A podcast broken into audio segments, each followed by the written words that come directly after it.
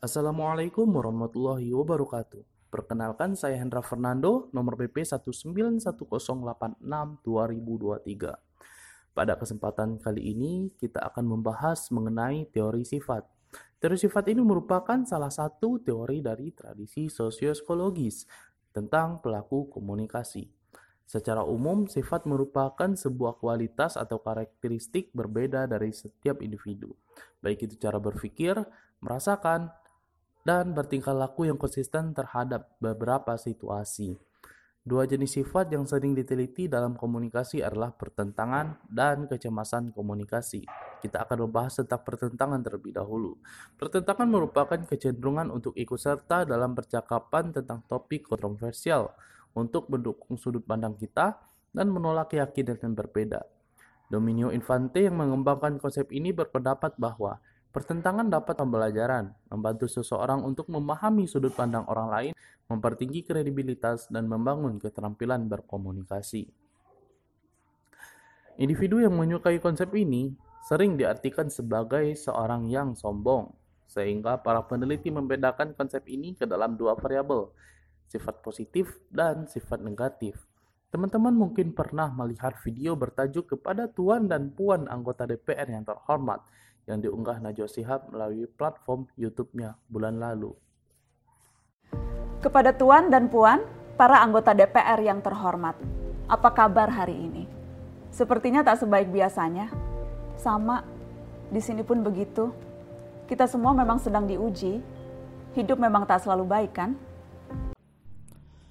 Video itu merupakan pertentangan kritikan Najwa Shihab terhadap DPR karena dinilai tidak fokus melawan pandemi COVID-19. Karena pada masa pandemi ini, Dewan Wakil Rakyat itu mensahkan tiga rancangan undang-undang yang sebelumnya menimbulkan polemik, yakni Rancangan Undang-Undang Cipta Kerja, Rancangan Permasyarakatan, dan RUKHUAP, serta Kiprah Satgas COVID-19 DPR RI pada masa pandemi. Untuk kasus kedua, pertikaian yang akhirnya menimbulkan kekerasan dan keagresifan verbal, apakah juga termasuk pertentangan?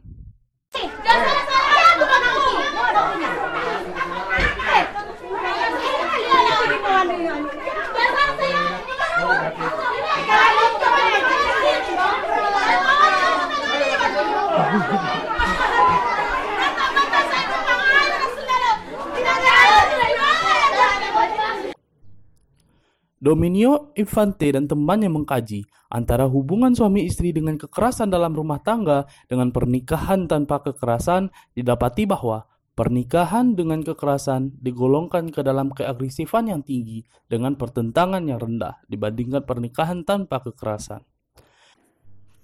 Nah, sekarang kita akan masuk ke bagian yang kedua yaitu kecemasan dalam berkomunikasi. Communication Apprehension merupakan hasil penelitian yang populer dalam disiplin ilmu komunikasi yang diteliti oleh Miss Krosky dan koleganya. Sifat ini merupakan kecenderungan individu mengalami kecemasan saat berkomunikasi dalam berbagai keadaan. Kecemasan berkomunikasi ini merupakan bagian dari kelompok konsep yang terdiri dari penghindaran sosial, kecemasan sosial, kecemasan berinteraksi, dan keseganan. Pikiran negatif juga dapat membuat kita merasa gelisah yang mencegah seseorang untuk mempertimbangkan semua informasi dan tanda-tanda pada lingkungan sekitar, mengacaukan pengolahan informasi secara normal, serta dapat memperkuat pelaku seperti penarikan diri dari masyarakat. Berikut sedikit, berikut sedikit gambaran dua sifat umum dari teori komunikasi tentang pelaku komunikasi. Untuk edisi lengkapnya bisa didapatkan melalui buku teori komunikasi Theories of Human Communication Stephen Littlejohn dalam bab pelaku komunikasi.